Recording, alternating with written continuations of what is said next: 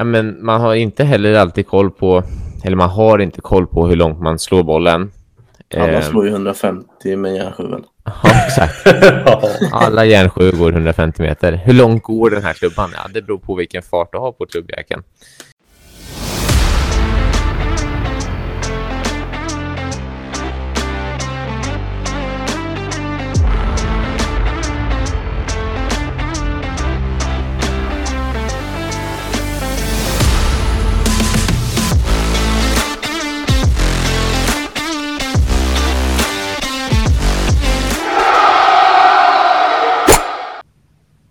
God morgon och varmt välkomna till ännu ett avsnitt av Golfens enda podcast. Mitt namn är Jonas Gullberg och med mig som alltid har jag William Monier och Wesley Monier. Hur är läget med William idag?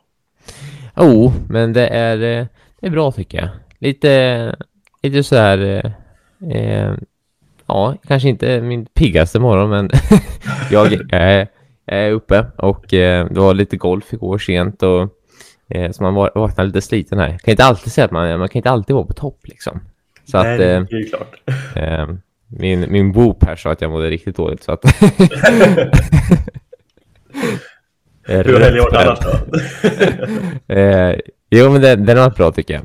Eh, eh, ja, lite trevligt firande igår av eh, Birthday Boy från, eh, från då förra veckan. Som fyllde dagen efter vårt avsnitt. Och hur mår han idag egentligen då? Våfflan, 21-åringen. Hej. Hej! Hur känns det att vara 21? Jo, men eh, det, det känns ju. Sista kroppen. året som junior. Ja, men precis. Lite sjukt. Men eh, Ja, det är ja, en jättekonstig känsla. För jag tänker att du har ju inte spelat en juniortävling på år och dagar liksom. Och sen så är det sista års junior. exakt. Jag kommer ju gå in och spela juniortävling i år. Ja, men kan inte vi ha det så mycket? Kan inte du försöka vara med och lira i typ JSM-slag eller något sånt där? Det hade varit jättekul för oss andra. För du när, när spelade du din senaste juniortävling?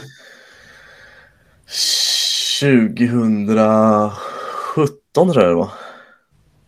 Så du slutade lira juniortävling när du var, nu måste tänka nu, 16? Nej, jag tror jag har en pokal där det står 2017 på. Jag tror det är sista tävlingen. Ja, just det. Man, man, man, så, ja, det är just det. Det är så man går tillbaka och kollar på när man fick den sista pokalen. Det är sista året man spelar juniortävlingar. Ja, men jag, jag hade ju... Drygt. Jag hade... Jag har ju pokal från... Jag har ju pokal från 2013, 14, 15, 16, 17. Jag tror också även 18. Jag kommer inte ihåg 17 eller 18. De, de står. Nej, svårt att hålla koll på. Men så Nej, så mycket. Nej, men eh, man är lite småtrött idag, men eh, man är ju här. Det är det viktigaste, tänker jag.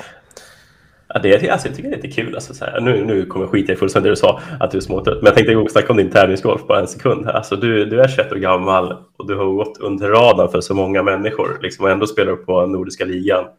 Har inte fått möjligheten till landslagsuppdrag eller någonting. Och så ser man på likasinnade som har varit amatörer och spelar juniortävling fortfarande och är 21. Mm. Ja, jag känner viss partiskhet från ett visst landslag här.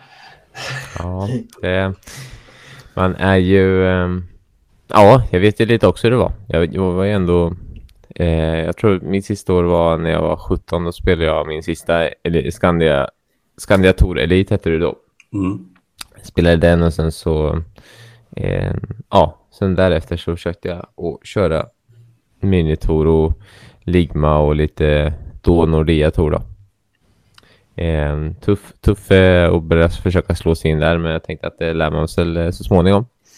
Eh, men eh, man rasade ju i eh, rankinglistan med att göra det valet istället för att man skulle bara fortsätta att knacka på där med Skandia Tour-tävlingarna så hade det varit helt klart bra för rankingen och eventuella uppdrag man kanske skulle kunna få. Ja, men det är väl det som många inte tar med sig. Så att vara toppskiktet på en Scania Tour. Nu heter det ju inte Elit längre gissar jag. Nu bytte de ju namn till den här säsongen. Eh, Men, det heter eh, väl eh, division 1, 2, 3 ja, och precis. Till att det egentligen bara var en klar katten på nordiska. Det är ju, även fast prestationen kanske är större på nordiska då, liksom att vara i den positionen så får du mycket mindre poäng och mycket mindre Mm. lägre ranking för det. Så Ja, det precis. är det är ju lite missvisande såklart. Ja, men så är det. Men nu, hur mår Jonas Gullberg? Jo, men du, jag mår, jag mår faktiskt bra. Det är första gången på länge jag känner mig lite pigg och utvilad. Jag är ju en sån här gammal gubbe nu för tiden. Liksom. Jag och sambon kollade lite grann på, på skalpen och såg att nej, men fan, kanske är det gråa hår som sticker upp lite grann här och var. Nej, det är Nej. Jonas. Ja, jag vet. Farbror 28 år gammal. Vad fan hände med mig då liksom? Det... Alltså, det- ni, det var så tänk på, ni är fan nästan 30 snart. Alltså. Det är, Lugn, jag är långt ifrån 30. ja, och det är så roligt. Vi gick och la oss lite strax efter nio igår också så där, så då märkte man ja. Nu fattar väl bara man börjar ta fram lite extra fika på morgonen så man är redo. Ja, jag har försökt att...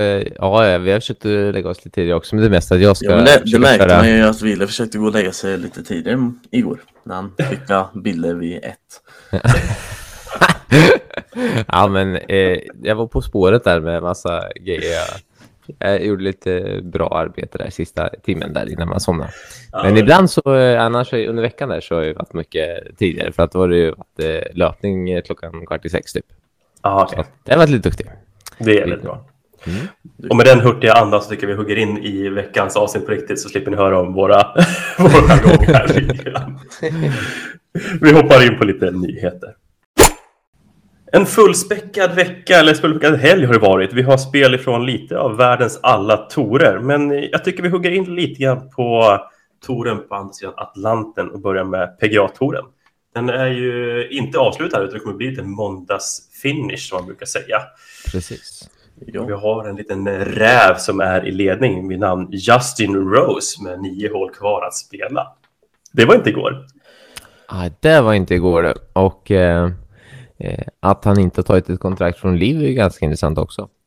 Eh, Ja, men det är lite skrällaktigt. Man tänker alla hans, inom parentes eller citationstecken, det är ju kompisar, är ju från Ja. Liv. ja. Ja. Eh, men eh, jag kan tänka mig lite att han eh, står upp lite för eh, kanske kvinnors rättigheter och sånt med tanke på att han har ju gjort en stor satsning på en, eh, en tour i England som eh, hjälper eh, många tjejer uppåt eh, på tourerna eh, från hans foundation. Ja, då gissar jag att det eh, kanske går hand i hand liksom med det här Tänker. att slippa stämpeln som man får när man går över till Liv. Och, Exakt så. Jag tror inte det går hand i hand att göra det och gå till liv liksom.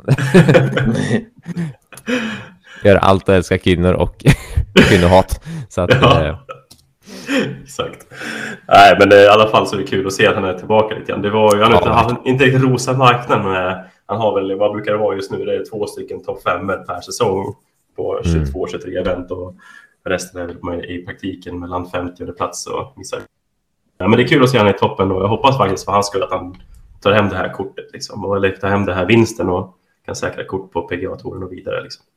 ja, ja, men jag med. Det, det är Ja, det ju kul. skitkul ju med. Eh, ja, men det är lite kul när någon sån här kommer upp och sådär. Sen så, Ehm, ja, jag tycker att eh, Rose var, var en av mina favoriter när han var uppe i toppen och för många år sedan liksom. Men eh, det är tråkigt att han har liksom fallit ur så mycket och blivit så liksom inaktuell.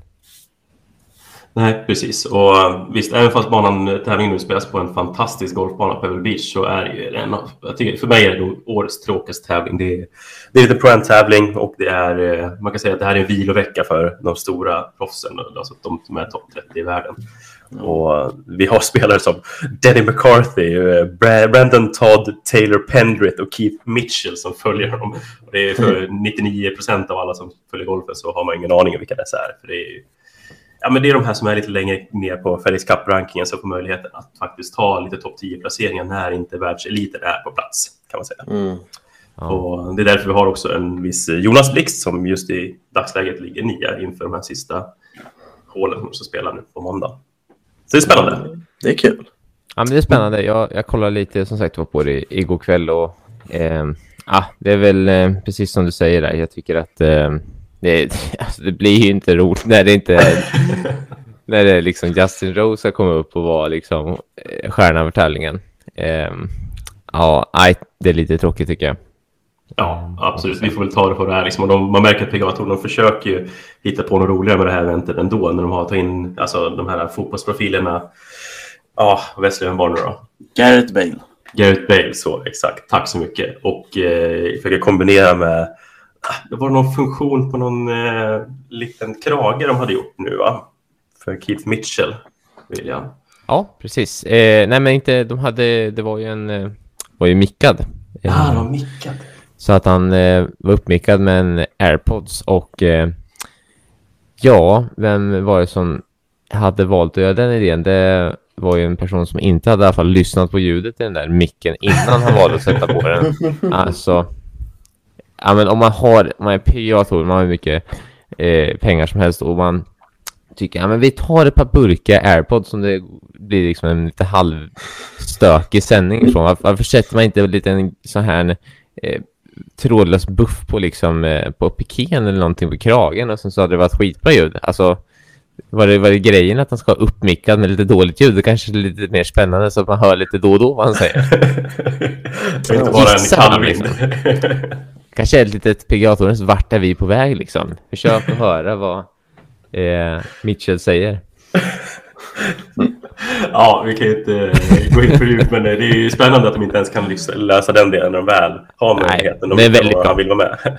Men det var skitkul att se att han typ slog ett slag och sen kunde man höra hur Cadden gick in och, och callade honom precis innan eh, slaget. Det var ganska tight slag så här, men flaggan satt upp i ett högra hörnet. Jag kommer inte ihåg vilket håll det var nu, men lite upp för typ 100 meter.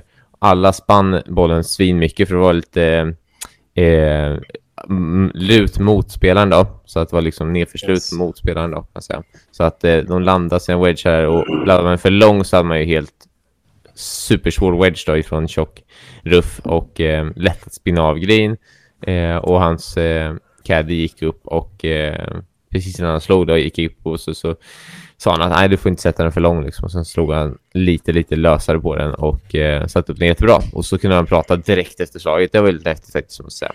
Eh, när kommentatorn gick in och frågade honom var, varför caddien liksom gick in och avbröt honom. Mm. Så det var Ja, det, det är någonting vi vill se mer av. Och vi hoppas Mm, att de kan utveckla det här med ljudet så kanske vi Ja, kan få det liksom man spelare som kan vara dela sina upplevelser. Då blir jag nöjd. Det blir vi nöjda. Vi hoppar över till DP World Tour och där har vi ju egentligen, det är ju inget stimulerande event egentligen, men vi har haft eh, fortsatt lite bra svenskspel. Vi har en eh, Alexander Björk som hamnade på en andra plats tillsammans med St. Lombard efter engelsmannen Daniel Gavins fick ta hem vinsten. Eh, En rafflande avslutning kan man ju säga. Ja men herregud. En bra avslutning. Ja, men apropå det här med caddy-missar eller caddy-ingripanden. Vad, vad händer på 18 hålet för Daniel Gavins? Ja men alltså.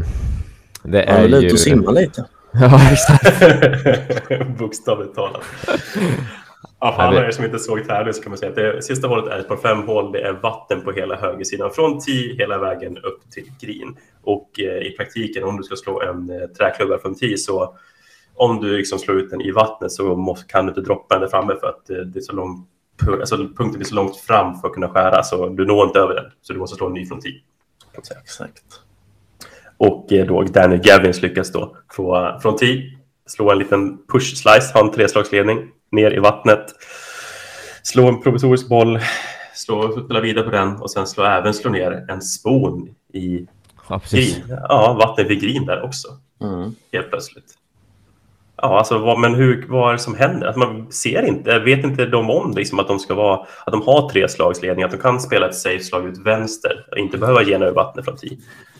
Jag tror, jag tror, ja. Jag du, tror, jag tror att han, han är så liksom inbiten i att hans plan är att göra de här grejerna liksom. Att han ska slå sin driver ut, han ska slå den där sponen. Att liksom, han, han, han är så inbiten i vad han har gjort de andra dagarna. Han vet vad han ska göra. Och även fast han har treslagsledning så kan han inte gå ifrån det liksom. Det, det tror jag. Det här blir felet. Ja, men är inte det liksom någonstans en strategival? För han ser väl leaderboards i närheten. Det ligger ju alltid liksom stora bildskärmar runt omkring en och ändå liksom ser det runt omkring att fan, jag, jag behöver inte slå en drive. Jag kan slå en spol, säkra ut vänster, behöver inte attackera. Jag kan slå en lång järntrea fortfarande ha en, liksom en kort wedge kvar. Mm.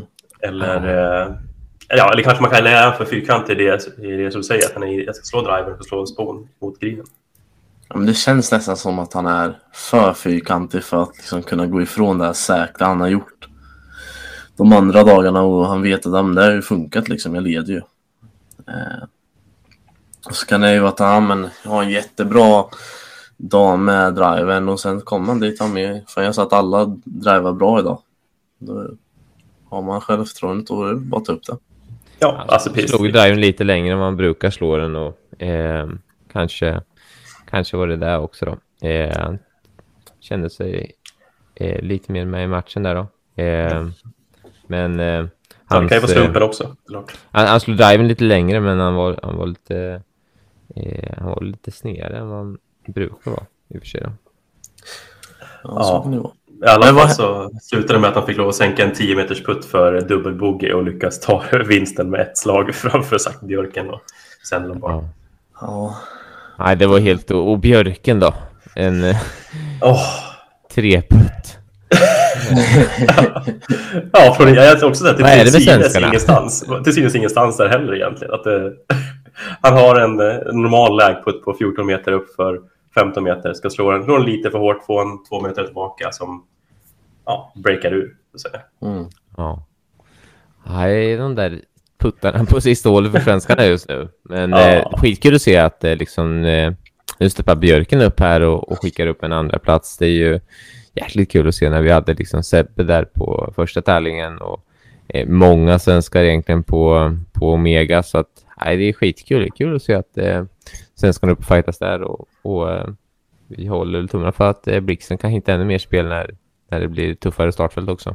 Ja, verkligen. Det, det båda gott för den svenska Deep World Tour-säsongen. Men det, det, det som är lite roligt tänkte jag på. Det, det, här, det här speglar ju lite vårt förra avsnitt i podden ändå.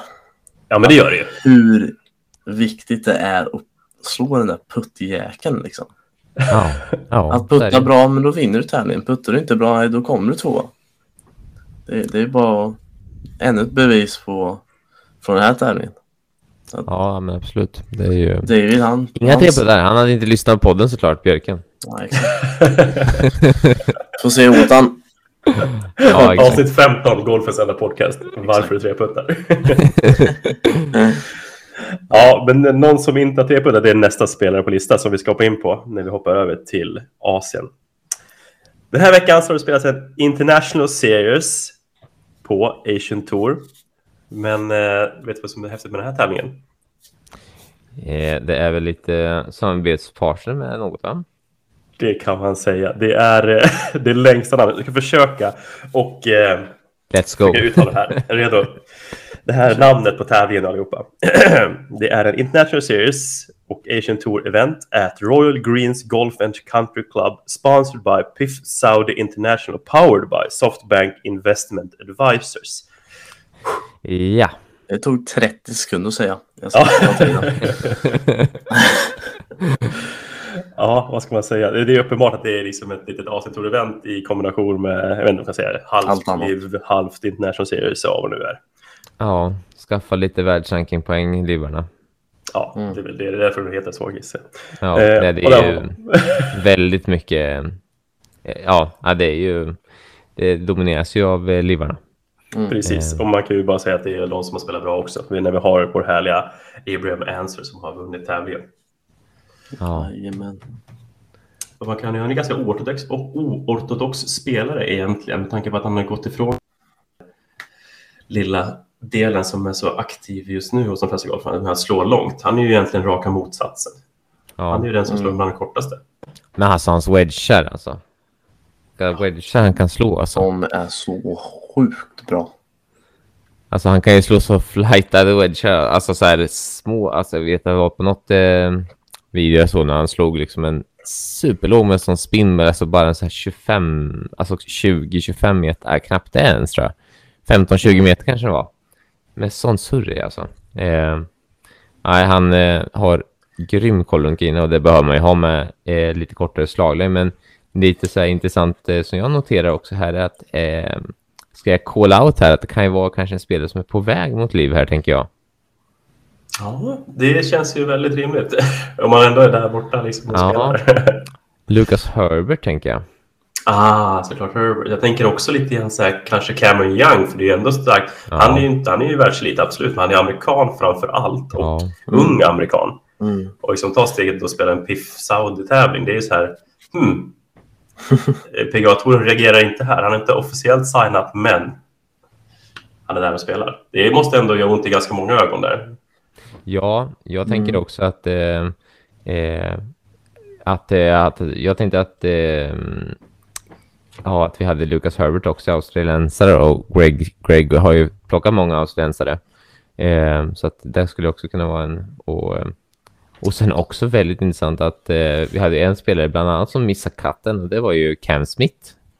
Vad säger du Jonas då? Masters närmar sig. Borde inte Ja. gått för något bättre. Med stormsteg. Ja, verkligen. Det är ju helt plötsligt bara tyvärr knappt två månader kvar innan vi ska sitta här och kolla Ja, lite grann missar vi katten på Asientouren här. Det låter ju inte så Tänk så det här, vi är ännu ett steg närmare 30. Ja, det är en bra fråga. Min andra, min andra egentligen som jag haft som backup i bakhuvudet det är ju Will Salatoris inför Masters. Men han har ju varit så här skadad nu ändå i tre och en halv Ja, månad. Liksom. Fantastiska bett Jonas alltså. Det är ju Mm. mäkta imponerande. Du skickar Cam Smith på en missad eh, Asientour-katt och du en skadad Salatoris. Det är Precis. Kan inte bli bättre. expertkommentator Jonas Gullberg har uttalat sig. Uh, exakt, jag sa inte vara bettmästare, men eh, kommentatormästare istället. Men... ja, vi kan väl säga att det här är, det är Livens egna tävling utan Liv-loggan på tävlingen. Så. Precis. så då har vi systerföretagen som var anordnare. Och den sista delen för nyheterna för veckan är egentligen det första LET-eventet. Och det har vi egentligen haft en indiska, Adit Ashok som har vunnit. Eh, och tyvärr här så är det lite grann som det är de första eventen där det inte är storspelare med och det är långt borta för många spelare att ta sig till tävlingen. Det är att det är fruktansvärt små fält och tråkiga tävlingar egentligen. Eh, det var, var det 95 spelare med. Det är 10 wildcards till kenyanska tjejerna. Eh, så egentligen är det bara 85 ordinarie LIT-spelare och åtta av dem är egentligen framgångsrika svenskor som åker ner för att kunna ta lite lätta rankingpoäng just nu. Och självklart så är det ju bra spelat av Sara Kälker som tog sig upp till en topp 10-placering och sådär. Men eh, eventet i sig, det är ju ingenting att hurra för. Liksom det, känns som det är fler influencers som är med där än vad det är hyggliga golfspelare. Ja. Ja, Tyvärr. det är ju... Ja, nej men det är väl lite... Det, alla har väl... Alla... Ja, det är väl som... Det blir väl lite... en- Kanske inte den eh, hetaste, hetaste veckan eh, eh, på året med, med Pebble Beach här som inte heller kändes så himla attraktiv liksom. Så att eh, Mm. Det finns vissa sådana tävlingar på torerna. Eh, om inte, ja, influencers på tjejernas eh, Kenya och vi har fotbollsspelare och grejer uppe på Pebble Beach som vanligt då med Pramen och eh, eller Pram-tävlingen där då med, med sin eh, samspel då. Ja, nej, kanske inte. Ja, försöker väl att få igång lite drag kring eh, Ja, torer. det känns som så. Att det är väl något sätt touren försöker göra. Man vet om att det är lite, lite sämre veckor för tävlingsgolfen, så då försöker man bara hitta andra vägar. Och det är väl Precis. det man ser just nu. Då. När man, influencers, fotbollsspelare, framkända kändisar och ja, liknande. Mm. Så vi får bara käka upp den här tävlingsveckan som ser ut att vara en full tävlingsvecka med massa härliga namn, men ah, det var inte så mycket hurra för egentligen. Förutom björken då, självklart med björken hela vägen oavsett. ja, men med de orden så hoppar vi över till Willes tränarspaning. Yes, då är det dags för min tränarspaning och eh, jag tänker att eh, titeln på den här tränarspaningen får bli eh, att därför träffar du dina hjärnslag bra på ranchen men inte på banan. Och det är väl ingen som eh, känner igen sig, tänker jag. Utan eh, de flesta, det funkar ju svinbra ut på banan och så går de till ranchen och så funkar ingenting. Eller så är det tvärtom, jag kommer inte riktigt ihåg det. Eh, jag vet inte, vad säger ni grabbar? Brukar, brukar det vara många som står och gnäller, kommer till ranchen och gråter ut över sina runder eller gråter de ut på rundorna för att det har varit så jobbigt på ranchen? Inte. Ja, alltså jag känner ju så här att eh, det är viss, viss felaktig i den här faktan kanske, kanske tvärtom. Ja, okej, det kanske Man, man har hört det här, ah, jag är en ranchspelare. Ja, exakt. Eh, ja, jag är inne i YouTube-träsket också har man några elever. Jag har tusen svingtankar. Ja, ja, det är inte några grejer som är positiva, men vi ska ta eh, några, några saker som jag liksom har noterat eh, att man bör tänka på för att ja, varför blir det bra på mattan och vad jag noterar lite som eh, tränare när jag har tittat igenom lite på ja, svingar den här veckan när vi har stått på ranchen och, och så. Det först och främst är det när spelare, alltså nu pratar vi då klubbgolfare, eh, och det kan vara liksom ändå ganska långt ner i handikapp. Jag kan tänka mig liksom, ja, men, absolut låga singelhandikapp ner mot liksom, eh, 3-4 handikapp. Men, eh, men också högt upp i handikapp. Så den feedbacken man ger sig själv, man står på, på ranchen, den feedbacken är inte alltid klockren. För att man ger sig själv feedback ibland på saker som inte eh, kommer leda till konsekventa bra golfslag på banan. Eh, ger man sig feedback på ranchen att det här var bra. Mm. Och vad jag tänker då, det är att alltså, det går inte att komma ifrån att de flesta har en, ja, en eh, attackvinkel. Om vi pratar eh, lite siffror här. Eh, vi behöver inte prata så jättenoga siffror. Vi kan bara säga att det brukar vara ett plustecken på väldigt många golfare när de står på eh, ranchmattorna. Och det innebär att de träffar alltså bollen i en, på en uppåtgående riktning med, med sin järnklubba. Och det är ju, som många kanske då vet om, så är det vad man vill göra med en driver när bollen ligger uppe i luften. Men det kanske man inte riktigt vill göra när bollen ligger på marken.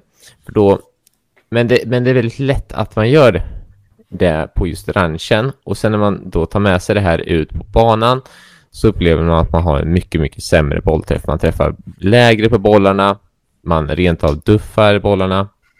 Och varför blir det så då? Ja, precis. Om du jämför då, vad är det som händer om man får plustecken på matta jämfört med på gräs? Alltså det händer ju så mycket grejer som är så mycket lättare på matta. Eh, och det är ju, men så, så, det kan ju verkligen, det kan ju verkligen se bra ut på matta för att grejen är att eh, dels så kan ju inte klubban liksom sjunka ner och fastna i underlaget när det är matta. Eh, det kan den ju göra på en, på banan. Och eh, duffar du och träffar marken lite innan bollen på en ranchmatta, ja men då studsar bollen upp lite ifrån ranchmattan så att då plockar den lite i luften till och med. Jag vet Wesley jag hade ett, eh, ett slow motion slag. Vi stod och lekte lite en gång med en väldigt, vi hade slipat ner en wedge sjukt mycket. Mm. Och Wesley skickar eh, wedgen ganska hårt i mattan. Skitöppet blad liksom. Vi ser att den ligger helt platt som en pannkaka själva klubban. Skickar klubban mm. ner hårt i marken. Bollen studsar upp och Wesley glider undan med klubban under bollen. Mm. Exakt. Eh, vi visste, bollen. Nej, alltså, nej precis. Utan vi, vi undrar lite vad som hände där. Så vi var tvungna att ta upp lite slow motion kamera och då kunde vi se tydligt hur våfflan liksom bara skickade ner i mattan, bollen bara ploppade upp och så bara gled klubban precis liksom rakt under bollen liksom så att han skulle kunna greppa bollen. Vi trodde att han missade bollen nästan. Ja. Eh, för bollen bara låg kvar på samma ställe liksom. Han hoppade upp och sen, eller liksom hände ingenting, bara smällde till och sen bara låg bollen kvar. Eh, men eh, ja, nej, så att mattan som sagt var, du kan träffa marken innan på mattan bollen kommer studsa upp så du kan liksom göra duffade slag som ser ganska schyssta ut för att de träffar högt på bladet och åker iväg. Mm. Eh, du kan eh, som sagt var, eh, behöver inte duffa egentligen utan du kan bara liksom lite lättare eftersom stråna på mattan är annorlunda mot hur gräset är på banan så, så sitter bollen mer upp i luften än vad den gör på gräs när den är på matta. Så när den är på mattan så sitter den lite mer upp i, i luften och det är sjukt mycket lättare liksom att komma åt bollen och, och liksom plocka bollen ifrån eh, från mattan utan att ens vara i närheten. Så att eh, det, det, gör det ju väldigt mycket lättare. Och när du väl, om du har den här som jag ser ofta då, den här som är runt då kanske mm, en, två grader då, positiv attackvinkel, eh, bottnar bollen eller bottnar klubban liksom precis runt bollen där. Eh, bara plocka bollen och man hör liksom personen träffade inte mattan. Och hur tycker du det där slaget var då? Ah, det var en riktigt bra bollträff har man ju då. Och man står och kliar sig själv i huvudet. Här har vi lite att reda ut liksom. För att den feedbacken blir inte bra till spelaren från den tänker att det här är precis vad jag ska göra och så går den personen ut och gör precis det där den tycker att den bör göra på ranchen. Gör det på banan. Där har vi problemen. Eh, och det är eh, Ja, eh, liksom så att det börjar med att liksom bara förstå hur sjutton ska det gå till, hur ska det se ut på ranchmattan. Eh, och det var faktiskt lite så här, det har ju snöat här nu i Norrköping och eh, jag använde det på en elev här i veckan. Eller flera elever faktiskt. Eh, jag tog bara faktiskt och tog snö och liksom eh, mjölade ut ungefär som man mjölar en eh, köksbänk när man ska eh, baka eller så. Så jag tog snön och sen så bara eh, liksom tog jag och täckte ut den över hela mattan. Och så bad jag eleven att eh, slå slag. Och så visade jag ett slag bland annat när jag slog. Visade hur boll, där bollen låg bara så försvann bollen och sen så plockade jag bort all snö efter bollen. Och sen skulle den här personen slå ett slag som den tyckte var ganska bra. Och sen hade klubban gått ner i marken eller börjat plocka bort snö en decimeter innan bollen. Men det såg ganska okej ut på själva bollflykten. Ehm, det är inte så konstigt då att liksom man börjar tänka en sjuk banan och att man började ha dåliga bollträffar. Nej, eftersom bollen sitter mer ner i gräset, eh, speciellt om den en fairway då, så sitter bollen lite mer ner i gräset, då blir det mycket svårare att göra just det här att den liksom plockar bollen ifrån gräset. För det är inte alltid den liksom, liksom hoppar upp lite där. Det är därför folk oftast gillar att vara ute i semiruffen och slå sina slag, för när bollen är uppe i luften. Mm. Eh, träffar bollen bättre oftast där än man gör på fairway. Och eh, hoppar man in sen då på att eh, man har den här liksom positiva attackvinkeln som man tycker är bra på mattan. Mattan är plan som bara... Eh, eh, ja, nu ska vi inte svära här, men den är väldigt plan, mattan. Eh, och det är väldigt enkelt att ställa i samma uppställning och allting, pang, pang. Och sen så kommer man till, ranch, eh, till banan och där så tänker man, ja men jag ställer mig, tar min vanliga uppställning och så bara slår jag, precis som på ranchen. Ja, och så hade du då några grader nedförslut på det här läget ja, då blir det ju bollmiss för den riktigt okunniga och eh, dålig bollträff för den lite eh, mer kunniga. För att de, inte, de vet inte vad kanske fem graders nedförslut, alltså vänsterfot, om man är högerspelare, vänsterfot lägre än högerfot. Eh, de vet inte vad det innebär och, och, hur mycket man bör förändra faktiskt i, i uppställning och eh, i kroppsposition för att fortsätta bibehålla samma typ av liksom svingbåge mot marken. Ställer de upp sig som de brukar göra på ranchen med samma liksom tryck på fötterna och sådär från de här olika lägena, det är då det blir liksom crappy as eh, hell.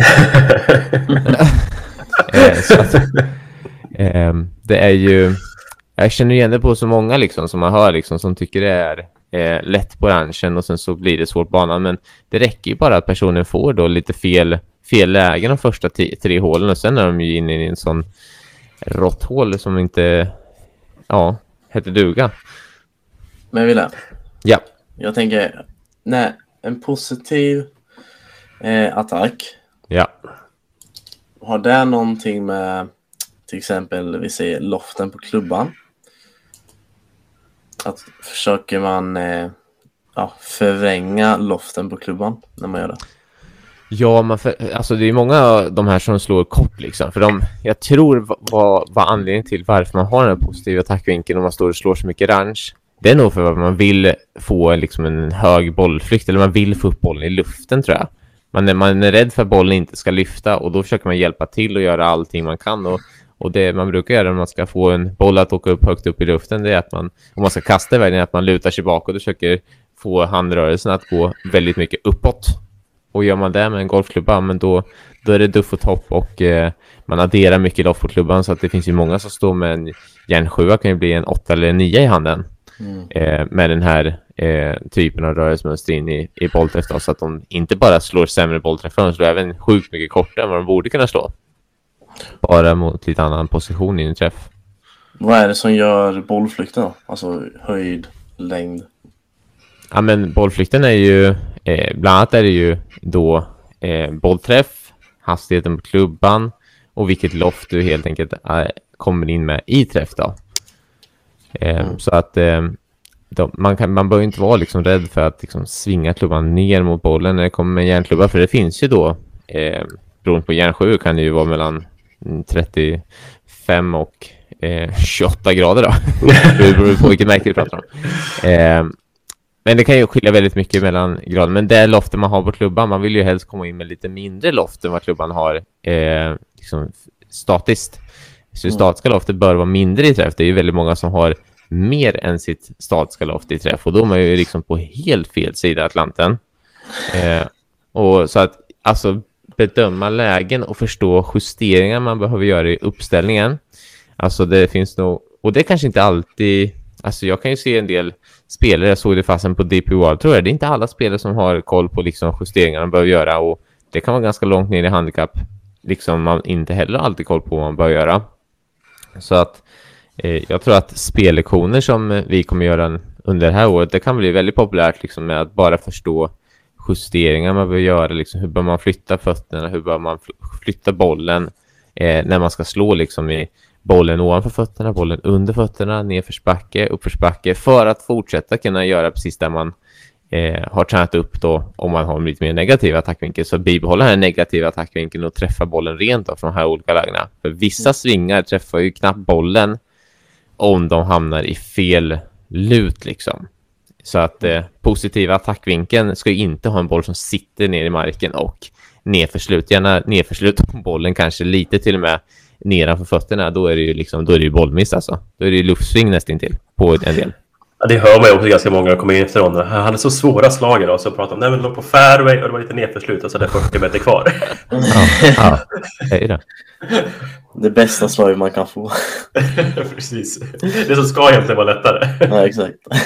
Ja, och det, och det finns vissa lägen som jag tror vi vet också. Alltså så här, vad som också gör att man inte heller träffar det är ju att man, ja, men man har inte heller alltid koll på, eller man har inte koll på hur långt man slår bollen. Alla eh, slår ju 150 med järnsjuven. Ja, exakt. Alla järnsju går 150 meter. Hur långt går den här klubban? Ja, det beror på vilken fart du har på klubbjäkeln. Eh, men, men sen då att, att veta det här slaget står det 135 i kikaren. Det här slaget spelas 160. Det här slaget mm. spelas... Oj, det här slaget spelas bara 120. Eh, alltså förstå de skillnader som vi vet när vi har liksom, tänk er fly-läget, vi har en par femma, vi ska gå för två eller någonting och det kände både medvind och flyer. Mm. Eh, vet ju alla vi tre, det är ju slaget vi gillar liksom. Shit vad långt det kommer, vi behöver bara ta en eh, jättekort klubba. Vi, jag och Jonas får ta en järnsju från 190 och Westry kan ta en pitch liksom. Mm. Eh, men, och sen är det motvind då. Eh, och tvärtom, bollen kanske...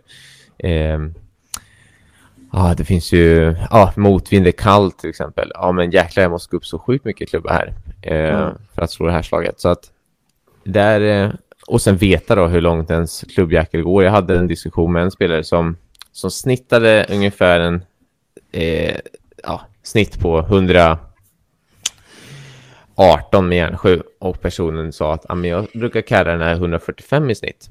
Och eh, det funkar inte för jag såg att liksom, ja men, ja, absolut din bollträff är inte 100 nu men det här, den kommer aldrig kunna gå 145. För den farten du ger till eh, bollen är inte tillräckligt på klubban.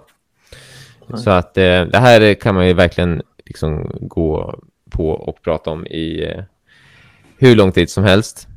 Men det, det jag tycker är att man bör ju absolut uppsöka en tränare. Om man tycker att man har väldigt grova problem med att träffa bollen typ fairway, men det funkar jättebra på branschen. Alltså tränare, skit i YouTube och eh, liksom eh, försök att liksom eh, lösa problemet själv. För har man inte löst det på ett bra tag, då, då behöver man nog hjälp och se vad det 17 det man gör som leder till att det blir den här positiva attackvinkeln till exempel. Då.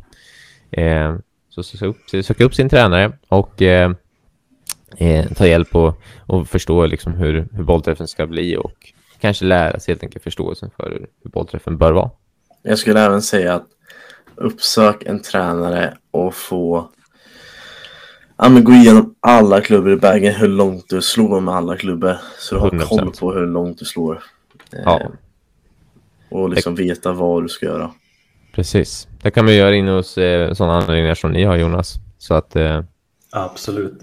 Din närmaste indoorfacilitet nu under våren eh, är en rekommendation att uppsöka för det, det hjälper. Att se ja. carry och se totallängd och se korrelationen att ah, jag kanske kan slå 145 meter med min järnsjua om det är nedför, medvind, sommar och värme. Precis. Men jag har 118 meter som normalt. Mm. Precis. Vi tar väl och eh, eh, tar och packar ihop det där tänker jag och eh, sparar till mer eh, tränarspaningar och diskussioner till eh, kommande vecka. Så att eh, nu tycker jag att vi rullar in till något som jag är oerhört taggad på. Birdies and Boogies.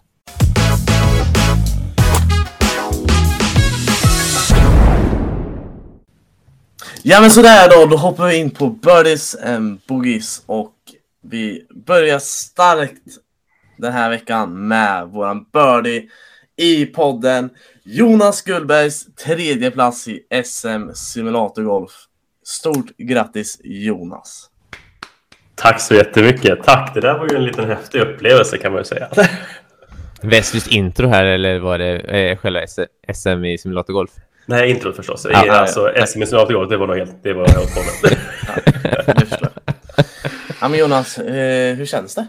Alltså det känns väldigt bra just nu. Det är, visst, det är lite, alltid lite så här lätt besviket någon dag efter när man inte tagit sig hela vägen upp till topplaceringen. Men eh, ge någon dag till så har jag smält det och kan vara stolt över min insats. Det är ändå en vinst i ett kval och vinst i första matchen som var den tuffaste tyckte jag. Liksom, och sådär. Ja, Eh, det- det, det är samma ju fan- det är ju fan en tredje plats i Sverige liksom. Ja, exakt. Så jag fick ju med mig härliga guld eller så här bronsmedalj hem. Liksom. Även fast det, så det är någonting man kommer med mig hela livet. Även fast det står simulatorgolf på den så är det fortfarande en form av golf. Och det har varit jävligt många bra spelare med. Så det är Ja, men alltså, Mike, du, du måste ju tänka att du är ju tredje bäst i Sverige i simulatorgolf. Du är ju liksom, det är ju riktigt bra. Ja, det är häftigt. Vem vet, kanske Ja. blir simlandslaget i framtiden. Exakt. Du, du Nej, är det är coolt, det. Stensson och alla de här grabbarna, för de vågar ju inte ens ställa upp ju. Det, det är bara att säga så som det är.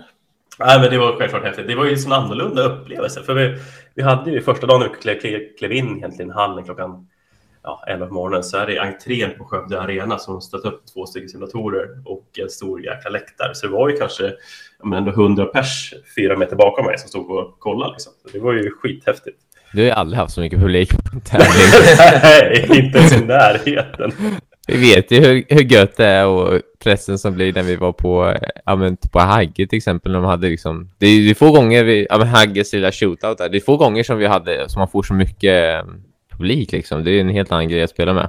Ja, precis. Det är så påtagligt. Så, alltså, jag kollapsade på kvällen. Jag var ju helt slut i huvudet. För, när man, för det blir, dels skillnaden mellan simulatorgolf och utomhusgolf är att det blir så intensivt. Du har inte den här Ja. ska säga, återhämtningsperioden mellan slag eller när du gör misstag eller någonting bra så du kan liksom komma ner i varv och sansa. Utan nu är du har 30 sekunder till, sen är det din tur igen att slå. Utan Ja. det, du blir bara på det lite grann. Så det blir har du lite bra streaks så gynnas av det, men det är ju samtidigt åt andra hållet. Så slår du några dåliga slag så går det ju väldigt snabbt, för det påverkar ju helt plötsligt fem hål kanske, varför de slagen sker under tio minuter kanske. Så eh, Precis. det var en upplevelse utan dess like och eh, superhäftigt att ta med sig. Och självklart jättestolt snart över tredjeplatsen. Ja, och du gjorde ju faktiskt en eh, Hio också. Ja, just det, min första simulator-hio. Hur coolt är inte det då? ja, det var superhäftigt. Det var ganska kul. Jag mötte en kille vid namn Rasmus Ossin, han som senare vann allting. eh, när han slog mig. Men just på vårt åttonde hål på Barsebäck Ocean Course så hade han slagit upp sin lilla järnklubba, kanske tre och en halv meter ifrån, hade en jättebra chans för birdie. Och eh, så lyckades jag pilla i en hio på samma distans. Det var ju också Ja. så här. bakom. Ja, skitcoolt ju. Nej, det är grymt. Nej, men nu ska vi verkligen gå in på bogin för den här veckan. Och varför säger jag gå in? Jo, för vi ska gå in på bron på St. Andrews som jag, jag vet inte fasen vad de har gjort, men det är ju Ja, grabbar, vad säger ni om den ombyggnation de har gjort? Ja, det som skulle vara en liten renovering blev en... eh, Ja, man tog ur det klassiska i bron egentligen och byggde någon jäkla parkeringsplats. Vill säga. Nej, men Nej, men, fasen, det är ju nu, det är ju mycket, det är ju populärt när man sätter så här, ja men alltså, så här svimspal i jacuzzis liksom. Det är, det är ju en, det är en ganska stabil grund att bara sätta upp den, ta lite dopp, gå över bron, in och putta in och så, så är man lite varm och mysig när man ska, när man är klar med rundan. Så att det är väl absolut rimligt. rimligt. Jag vet inte vad, vad, vad, ska Tiger stå där och vinka i 28 år nästa gång då? Eller att han ska liksom... Ja, men exakt, det, det där är ju, eller? det är ju för Tigers eh, nästa runda där så han kan stå där och ta emot alla applåder och sånt. Så han, så han inte ramlar ner i vattnet när han eh, svimmar av hur många applåder det är. Så har han lite stabilare grund att stå på. Högtalare och mick varje gång de ska liksom... Ja, ja. För de som inte får upp en bild framför sig riktigt, hur, hur, när vi beskriver den här renoverade Swilcombe Bridge så är det ju så att eh, de har byggt en ja, en liten lätt förhöjning av bron som ser ut som en eh, liten Ja, men jag, jag har en jättebra förklaring på det, hur man Ja, kan- ja, berätta. Ja, men alla, alla kan tänka sig om man ska bygga någonting för att eh, man, man ska ställa ett eh, svimspa eller man ska ha någonting, måste ha en stabil och fast grund. Och, då, då måste man bygga en stor platt yta som är ganska rund och sådär. Och, ja, men det har man gjort framför bron och sen har man ja, bara förstört det klassiska i bron. Kan man säga. Den var ju liten och nätt. Den här blir ju som att man har fått en, en liksom så här, en sån här finne på näsan när man ska gå till skolan och känna att den, man känner sig som Rudolf med röda mulor. Lite, lite sån typ av... Så Han trycker man bara- upp en Google Maps-bild så får man se finnen helt plötsligt istället. ja, exakt. Ja, men alltså, så här, kolla Google Maps så kommer du se att den täcker halva fairway liksom. Ja, Ja, nej, det är en bra bogey faktiskt. det är Ja, ett misslyckande. Herregud. Ja. Ja, men eh, med de orden så tycker jag att vi går in på det sista segmentet för veckan.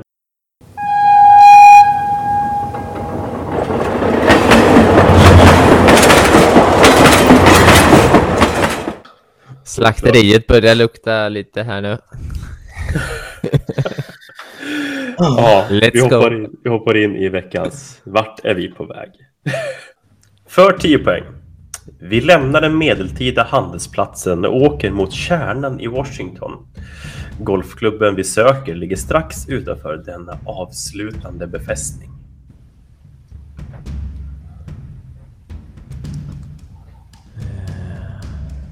Nu noteras det ner här.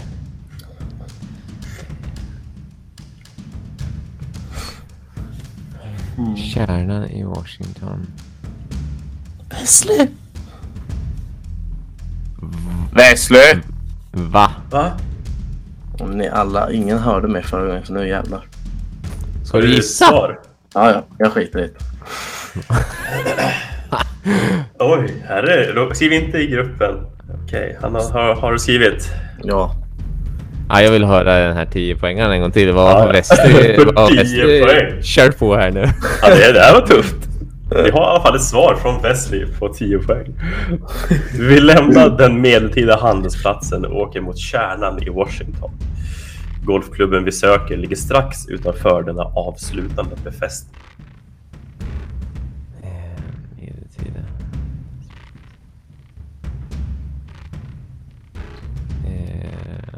Eh, mhm.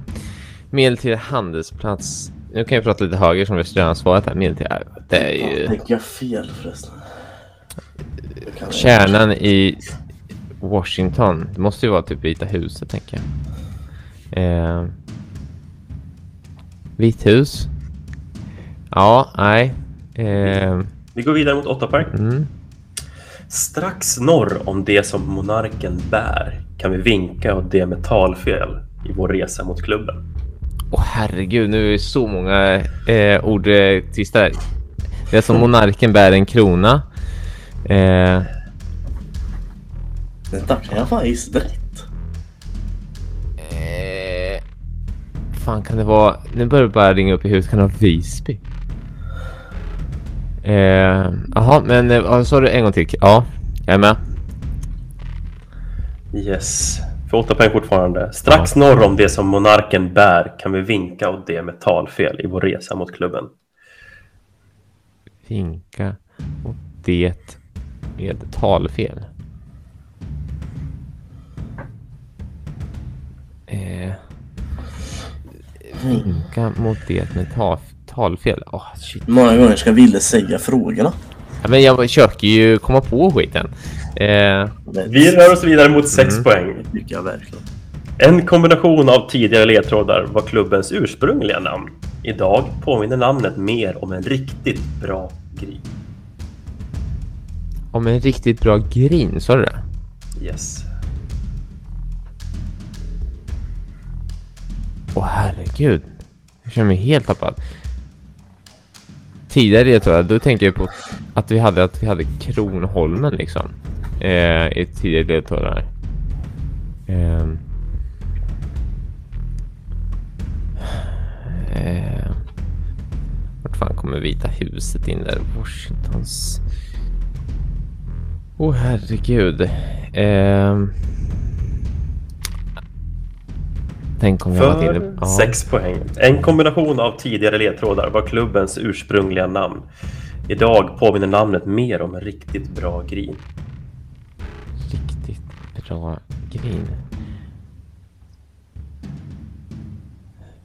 Skulle det kunna vara... Vadå Visby? Bra grin? Det är bra griner på Visby. Kronholmen är i så fall tidigare namnet. Annars för, har vi för klubb som hade någon... Har vi en annan klubb som haft dubbel, två olika namn genom tiderna? Och sen Krona, det känns som att jag borde dra här alltså. Men samtidigt om Våfflan har eh, bollat upp det riktigt så tar jag ju fyra poäng ifrån honom här nu om jag svarar rätt nästa. Du kan ta två också. Men för fyra poäng. Mm. Med denna snabba avstickare ifrån E20 i väst bjuds vi på en av Sveriges vackraste vyer och en hickorybana i hög klass. Här. Eh... I väst? Jag var ju för fan i öst. Ehm. Jaha. Ehm. Hickorybana. Hickory tänker jag Lunds Akademiska har vi två tränare som är duktiga på. Ehm. Fästning. Varberg. Ehm. Befästning. Jag läser fyrapoängsfrågan igen. Med denna snabba avstickare från E20 i väst bjuds vi på en av Sveriges vackraste vyer och en hickorybana i hög klass. Hickorybana i hög klass. Åh, shit. Nej, det är ju... Nu bara snurrar i banor. Lunds Akademiska Visby. Vad har vi mer för hickorybanor då? Eh, bra grin. Rya. Det är ju... Eh, fantastiska ryamatta.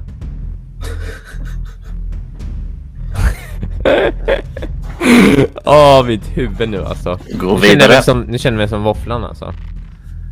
Nu förstår jag Wesley. Ja, vi går vidare till eh, egentligen den sista ledtråden för två poäng. Oskar Längdén har reppat denna icke-nya klubb under sin karriär och golfklubben brukar vara en frekvent värd för herrtävlingar.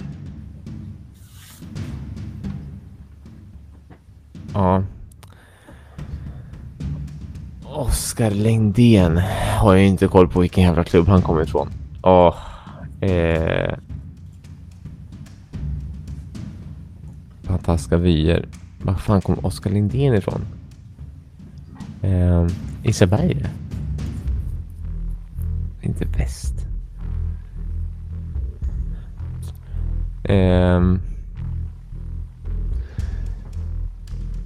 Jag tar den sista tvåpoängsfrågan en gång till. Ja. Oskar Längdén har reppat denna icke-nya klubb under sin karriär.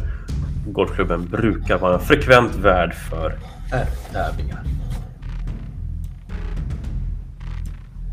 denna icke nya. Då måste ni ha något namn med ny.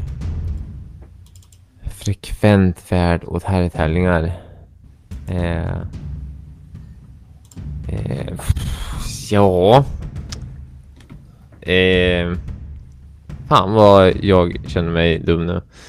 Eh, ja, jag får väl... Eh, eh, oj, oj, det känns som att det kan bli så. Eh, Ja, det har, var har jag läst sista två gånger? eh, Mm. Då behöver jag ett svar inom några sekunder här, annars så avslutar vi. Du får svaret. Eh, ja, vad, vad, vad ska jag svara då? Eh, eh, ja. Eh, Nej, jag tycker det är tiden Vill du inne. svara Ja. Ville? Ja. Eller Ville? Jonas Gullberg. Ja, jag får... Eh, ja, jag vet fan. Nej, det där är inte rätt. Ja, då vill jag ha svaret där. Jonas, kolla. Jag, jag, skrev, jag skrev en bara för skojs skull. där. Då ska vi se här. Har de skrivit svaren? Ja, jag har skrivit. Ja, tyvärr så har ingen i panelen rätt denna vecka. Utan rätt svar är Rya Golfklubb. Nej! Han säger svaret högt i podden. Men han väljer något annat. Båstad, vart fick jag det ifrån då? Och jag måste säga, Wesleys Oj. svar var PGA of Sweden. Var eh, också tyvärr fel denna gången. Men vi bränner igenom lite lösnings... eh, Fan, jag tyckte det var skitbra gissat. Aj, aj, aj, aj, aj. Ja. Rya. Men eh, vi kan börja med det enkla. Vi lämnar den medeltida handelsplatsen. Vi lämnar alltså en Köping. Vi åker från er hemifrån er söderöver och åker mot kärnan i Washington. Och Washington är ju en stat vars eh, egentliga huvudstad inte är DC utan det är Olympus, Olympia. Och eh, Olympiastaden ligger i Helsingborg. Bara så ni vet. Mm, jo, det vet jag. Och golfklubben ligger strax söder utanför denna avslutande befästning. Och vad är, vad är en avslutande befästning? Det är en borg. Så utanför Borg, Helsingborg, har vi fått till där lite grann. Ja, nej, men om någon tar det här på 10 poäng alltså, ni eh, kan ju komma och hämta så får ni ett trepack TP5 i studion. Ni kan få ett dussin. Jag tänker Borg, Helsingborg hade man kunnat tagit, men det har ju inte sagt någonting, så det hade lika kunnat varit all, Allrum eller Vasatorp där så att säga. Så 10 poäng var en väldigt svår med tanken. Ja, den var tuff. Och strax norr om det som monarken bär, där sa ju också Wille svar. Det är krona och det är landskronan han har på sig. Och det är ju pris mellan Helsingborg och Landskrona som ligger fria Golfklubb. Och eftersom vi kan vinka åt dem med talfel så tänker jag givetvis på alla danskar som inte kan prata. Så då kan vi vinka över vattnet och sundet där den här gången. Så då har vi haft en liten ledtråd längs kusten. Så Visst, det kunde fortfarande varit kanske Rydebäcks golfklubb eller liknande, men den här gången så var det Rya vi sökte. Eh, och därför tänkte jag att eh, en kombination av tidigare ledtrådar var klubbens ursprungliga namn. Hälsingkrona eh, golfklubb hette det innan den döptes om till Rya golfklubb. Och idag påminner namnet mer om en riktigt bra green. Och vad är en riktigt bra green? Det är en Ja, är en-. Ja. Och hade man eh, varit lite långsökt även där så hade man kunnat hitta att ja, men vad finns det för mattor? Kanske är en rya-matta förstås. Exakt. Fyra poäng. Med denna snabba avstickare från E20 i väst. Ja, man kör av en liten väg och kommer ut till golfklubben. Så har vi en av Sveriges vackraste vyer när man ser ut över havet. Och för de som inte vet så har Hickey-SM hållits på Rya Ja. golfklubb. Ja, det. Och för två poäng, Oskar Lindéns hemmaklubb. En icke-nya. Och nya tänkte jag att man kunde rimma på rya och nya förstås. Under sin karriär. Och Jag, jag är nya banan på Båstad, därifrån mitt svar på Båstad. Nyköping inne på. Förstås. Och det brukar vara en frekvent värd för herrtävlingen. Det har gått eh, otaliga kval Ja, på höstsidan. precis. Och mindre Future Series eller 10 heter minitorer och Telia-torer eller vad det heter. Precis. Så det var veckan. Tyvärr ingen förändring i poängställningen, men kanske någon där hemma istället har eh, lyckats få något poäng på den här lilla Vart är vi på väg? Ja, ni kan ju kommentera om ni har eh, fått ihop lite poäng eh, i eran, eh, ja, de avsnitt vi har haft. Hur mycket poäng är ni själva uppe i? Förmodligen mer än eh, jag och Våfflan i alla fall. Dagsläget så är det 12-6 till William och eh, ja, vi får vänta en hel vecka till på ett nytt avsnitt och nytt Vart är vi på väg? Ah, som man får vänta.